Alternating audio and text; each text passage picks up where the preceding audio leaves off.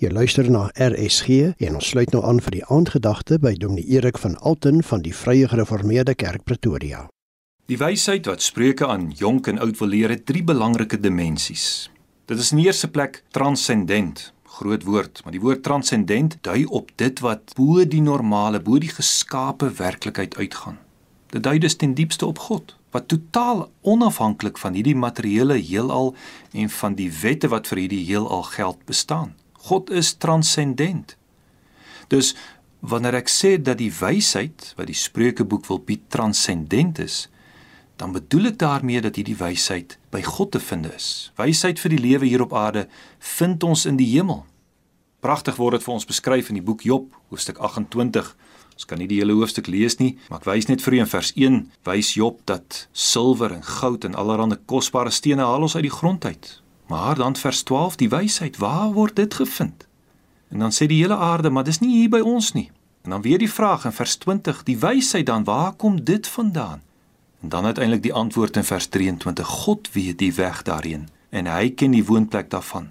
En dan ten slotte die laaste vers vers 28, maar in die mens het hy gesê, kyk, die vrees van die Here is wysheid.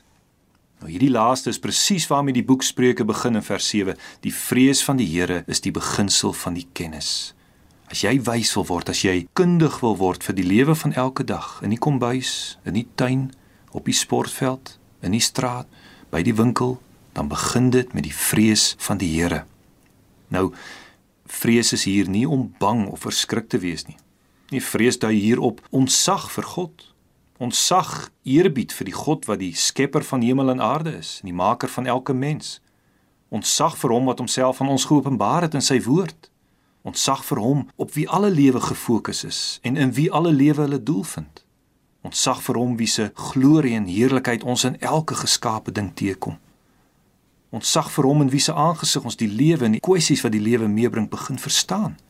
In die aanbidding van hierdie God en in die nalewing van sy reëls is daar wysheid. Wysheid is daarom nie heel eerste lewenservaring nie. Die wysheid is God se ervaring.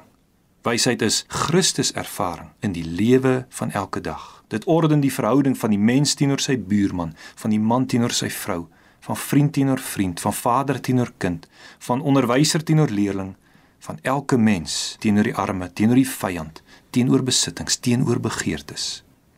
Wysheid is die evangelie vir elke dag. Dus Dit is die eerste dimensie van wysheid. Wysheid is transcendent. Ons kry dit slegs in die weg van ontzag en eerbied vir die Here en sy woord. Môre aand kyk ons na die tweede dimensie van Bybelse wysheid. Die aandgedagte hierop RSG is aangebied deur Dominee Erik van Alten van die Vrye Gereformeerde Kerk Pretoria.